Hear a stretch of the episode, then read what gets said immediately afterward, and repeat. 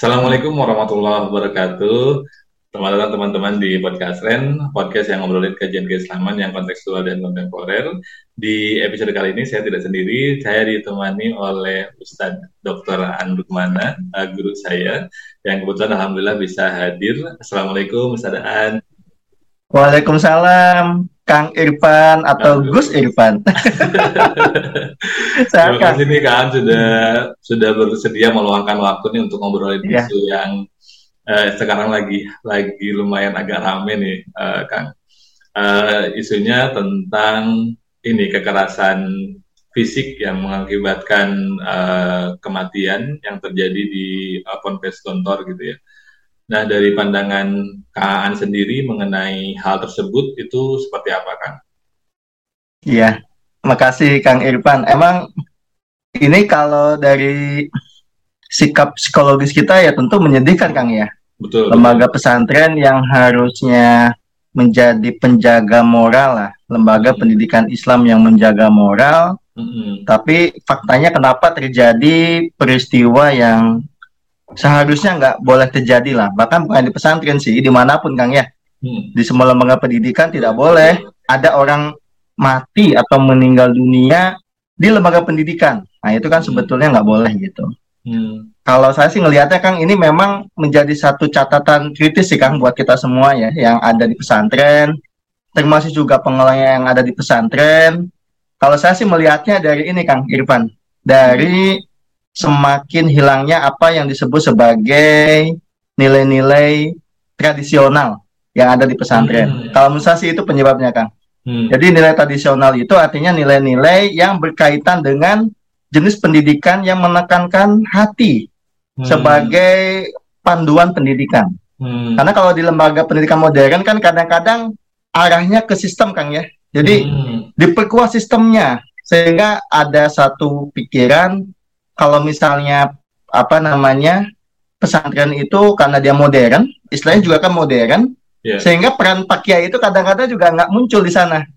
Jadi maka ada istilah kalau di pesantren seperti Gontor kan, pesantren itu nggak boleh dikenal karena kiainya, tapi karena hmm. sistemnya. Hmm. Nah padahal sistem itu uh, kalau tidak baik, tidak tepat mengelolanya itu hanya akan melahirkan generasi santri yang sebetulnya kering ya dari sisi hmm. spiritual gitu kan. Iya. Yeah, yeah, yeah. Sehingga menekankan sistem disiplin, tapi nilai-nilai kasih sayang, hmm. rahmatan lil alamin, hmm. Rahman Rohim itu kadang hilang gitu Kang Irfan. Hmm. Gitu dan saya juga kebetulan juga kan mengelola di pesantren Kang ya. Yeah. Memang biasanya yang terjadi itu yaitu menekankan sisi nilai-nilai tradisional pesantren hmm. yang menurut saya jangan sampai hilang Kang. Yeah, yeah, gitu. Yeah. Sebetulnya itu kehilangan sih. Bahkan penamaan modern aja sebetulnya itu perlu kita kaji ulang Kang ya. Misalnya hmm. pondok pesantren modern. Nah, itu kan kadang-kadang kita inginnya kan modern itu modern apa gitu. Hmm. Kalau modern dari sisi bahasa, dari sisi sistem jangan salah gitu. Karena pendidikan itu harus ada orangnya loh dan orang itu tradisi. Orang yang menjaga nilai-nilai spiritual. Nah, itu hmm. harus ada, Kang. Tapi hmm. kalau itu hilang, ya itu jadi satu catatan, Kang. Iya, yeah, iya, yeah, iya. Yeah.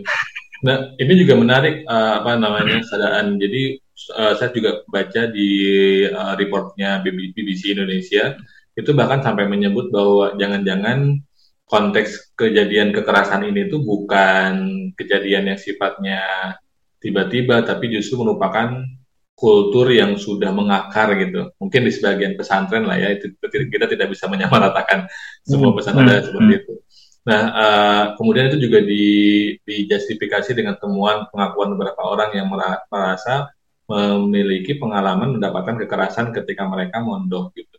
Nah, kalau Kang An sendiri pandangan terhadap kekerasan sebagai suatu kultur yang mungkin sudah mengakar di pesantren gitu itu bagaimana Kang?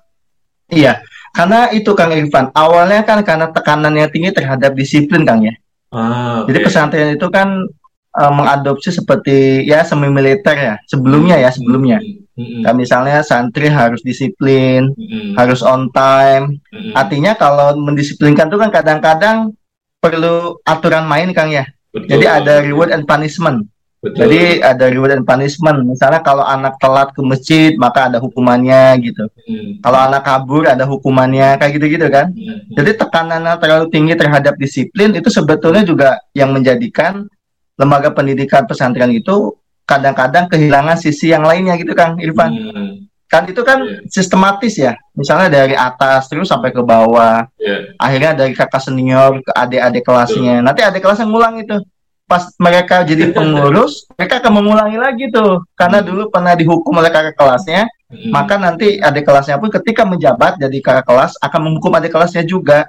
Nah ini yang menurut saya memang harus dipotong kang kultur Betul. itu gitu. Betul. Dan cara memotong kultur kalau saya ya mengembalikan pesantren ke nilai-nilai lagi. Jadi hmm. mengembalikan pesantren ke pendidikan yang menekankan kasih sayang. Saya yeah. kira itu Kang Irfan yang paling kuat. Contohnya gimana? Misalnya figur pimpinan yang ada di pesantren Kang itu harus menjadi oase yang mengademkan santri-santrinya dan ustadz-ustadznya. Misalnya contoh gitu kan.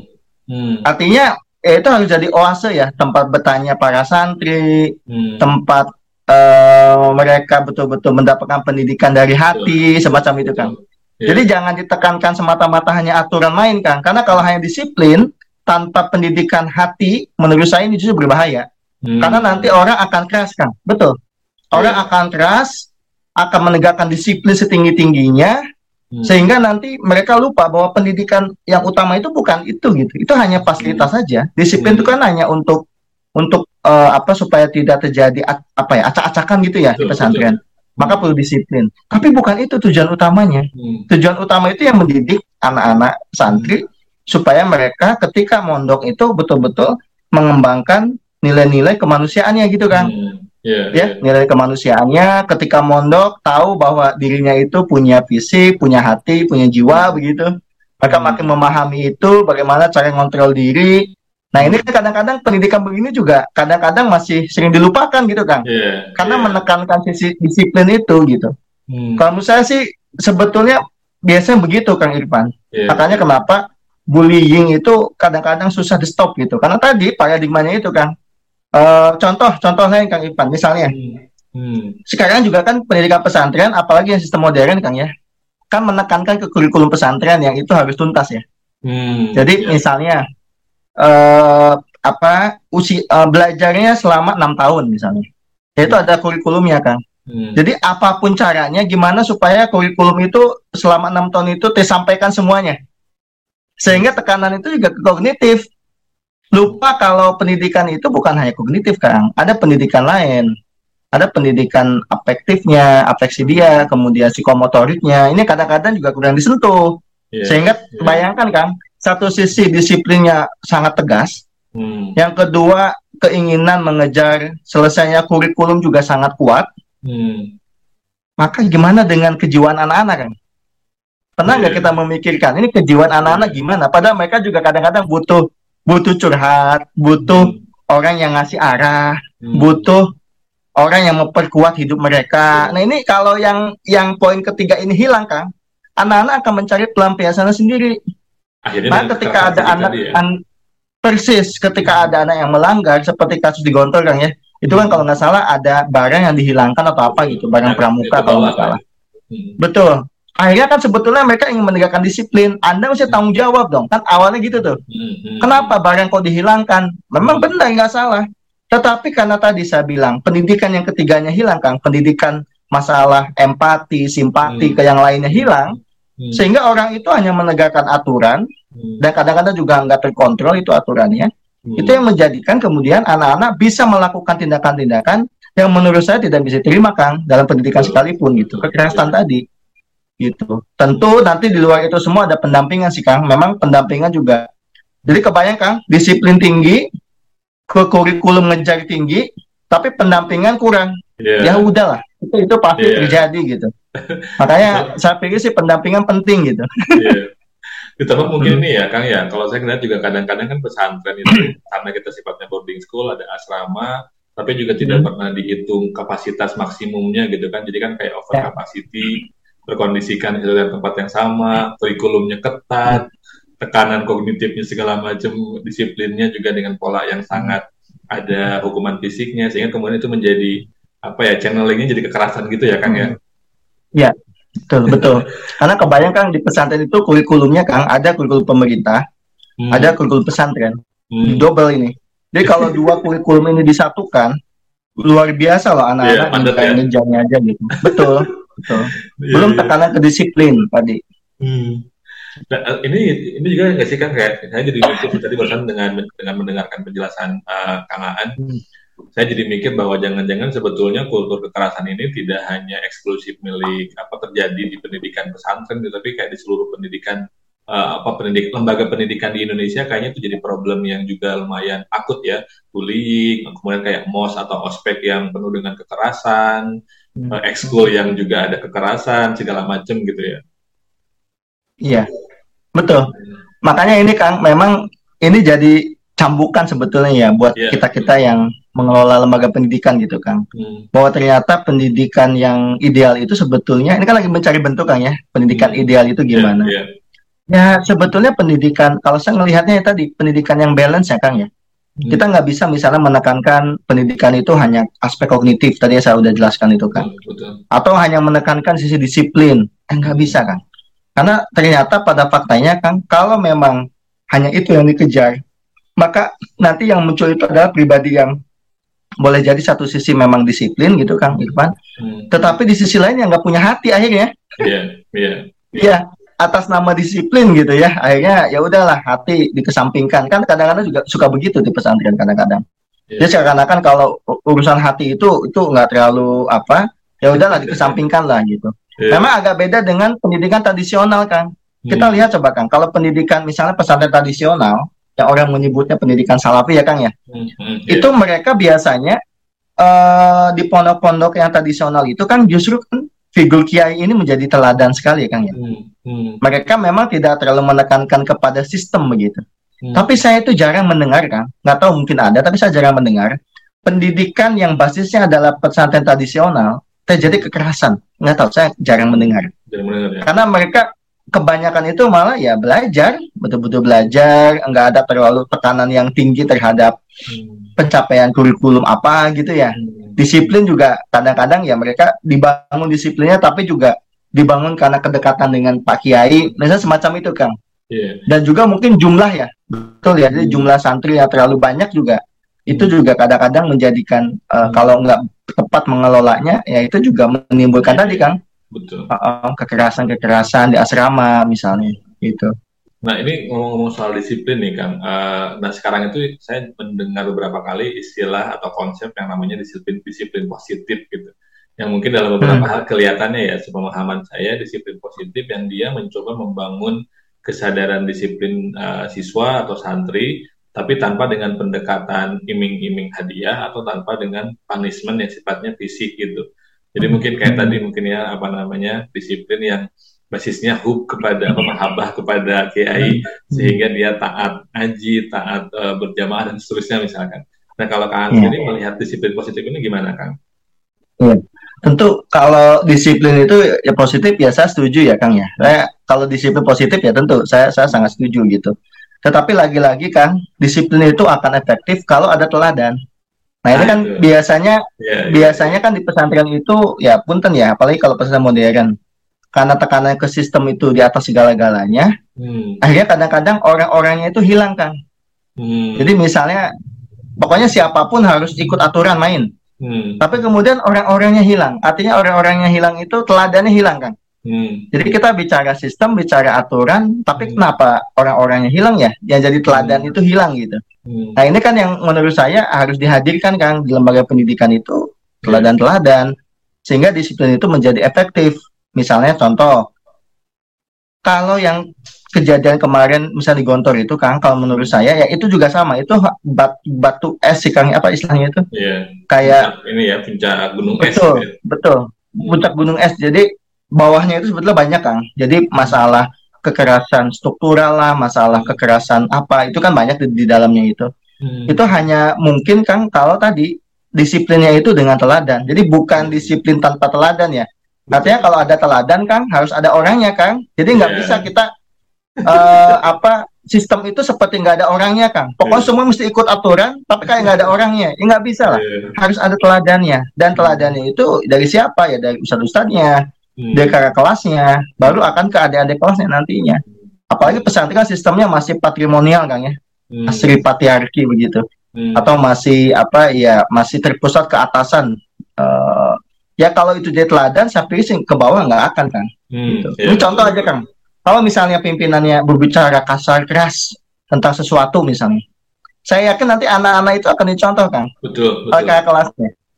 Ketika ah, Pak Kiai aja membolehkan itu kok, itu nanti nanti ke bawah tuh. Yeah. Artinya kadang-kadang kekerasan itu lahir karena uh, teladan tadi yang memang minus gitu. Hmm. Dan kenapa terjadi pembunuhan di pesantren misalnya atau kekerasan di pesantren?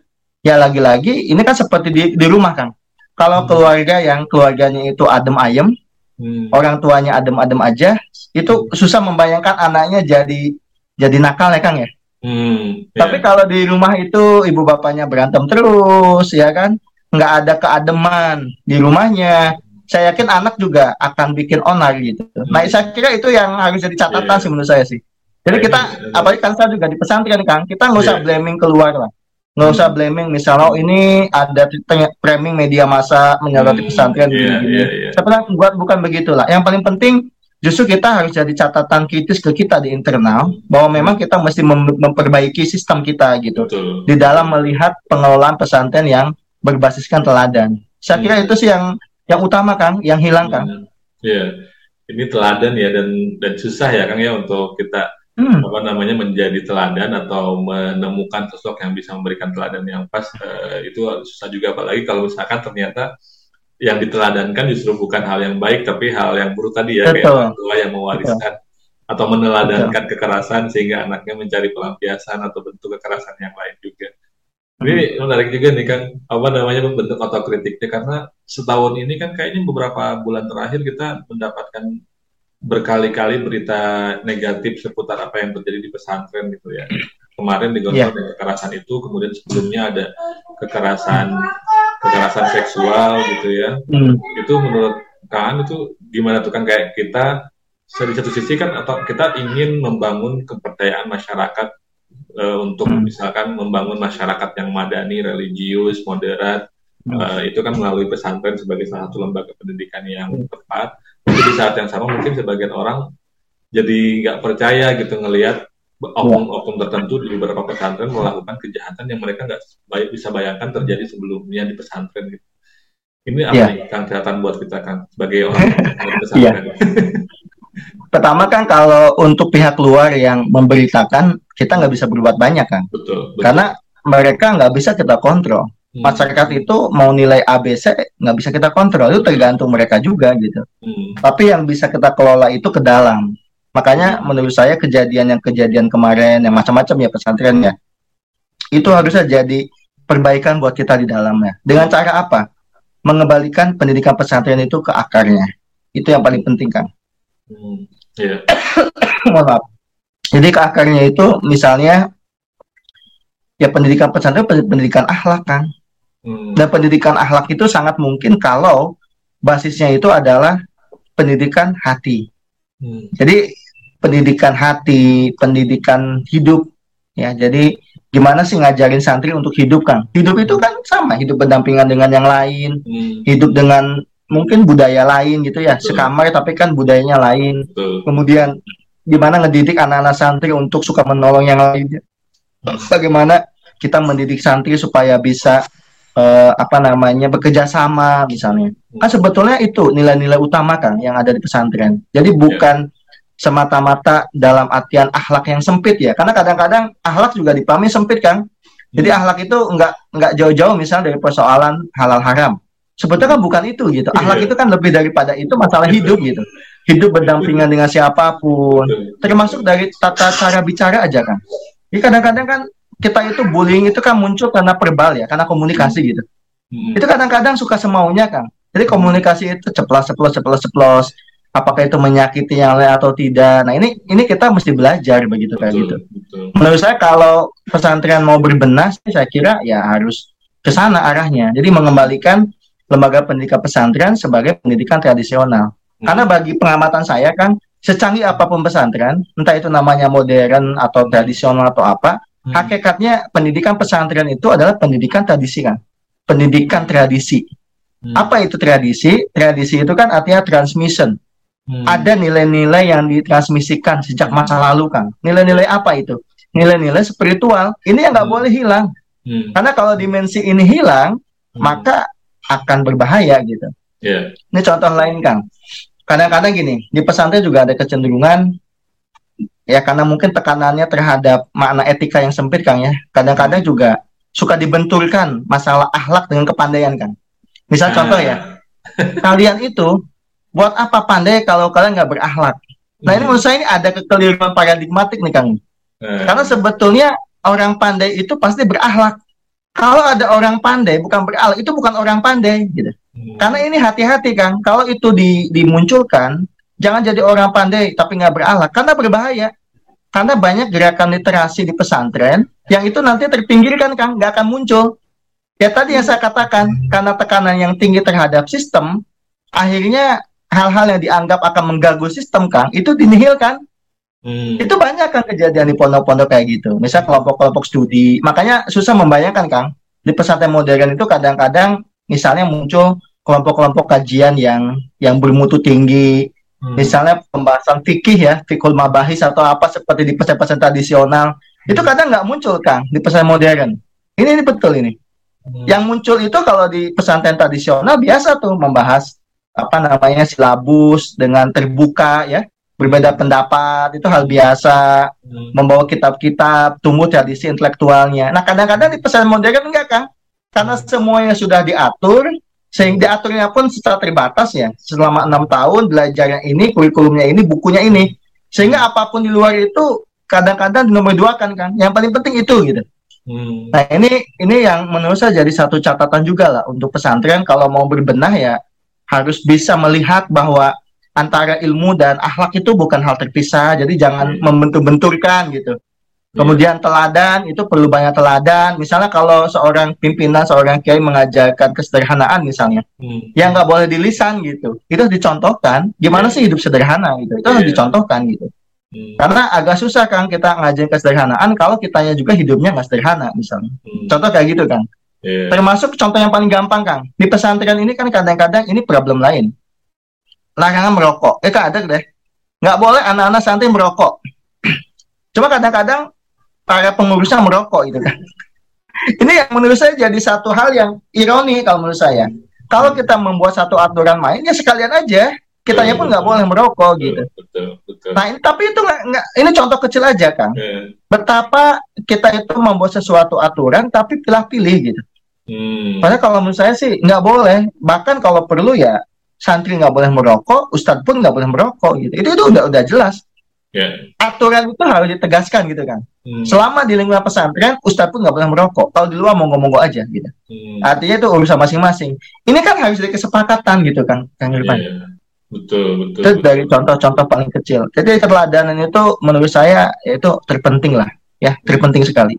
Oke, terima kasih Kang Aan. Uh, saya izin menyimpulkan dari obrolan kita yang luar biasa kaya siang hari ini bahwa ya tadi um, pesantren perlu untuk mengembali untuk kembali ke akar sebagai lembaga yang mentransmisi nilai-nilai keislaman yang sangat kuat, yang sangat baik, uh, dan kemudian dalam proses itu tidak boleh memisahkan antara kepandaian dan akhlak karena keduanya adalah sesuatu yang interconnected yang saling terhubung. Dan yang ketiga ini juga yang menjadi catatan yang paling penting menurut saya adalah bahwa kita hari ini kekurangan teladan dan makanya mungkin urgensi bagi pesantren adalah anak-anak muda, generasi muda, asatid, uh, asatidi, asatidiyah gitu ya, ustad ustada itu kemudian mengambil peran untuk menjadi teladan, menjadi contoh agar siswa bisa bisa melihat living values dari Islam itu seperti apa gitu ya. Oke, ya. baik terima kasih Kang atas uh, kesediaannya. Sama-sama Kang. Hari ini terima kasih ya. teman-teman itu tadi uh, diskusi saya dengan Kang Aan yang Aan uh, terkait uh, kasus kekerasan yang beberapa waktu lalu terjadi di pesantren uh, Gontor. Semoga ada manfaatnya. Uh, dengarkan terus podcast Ren di Spotify dan uh, YouTube. Terima kasih. Wassalamualaikum warahmatullahi wabarakatuh. Waalaikumsalam warahmatullahi wabarakatuh.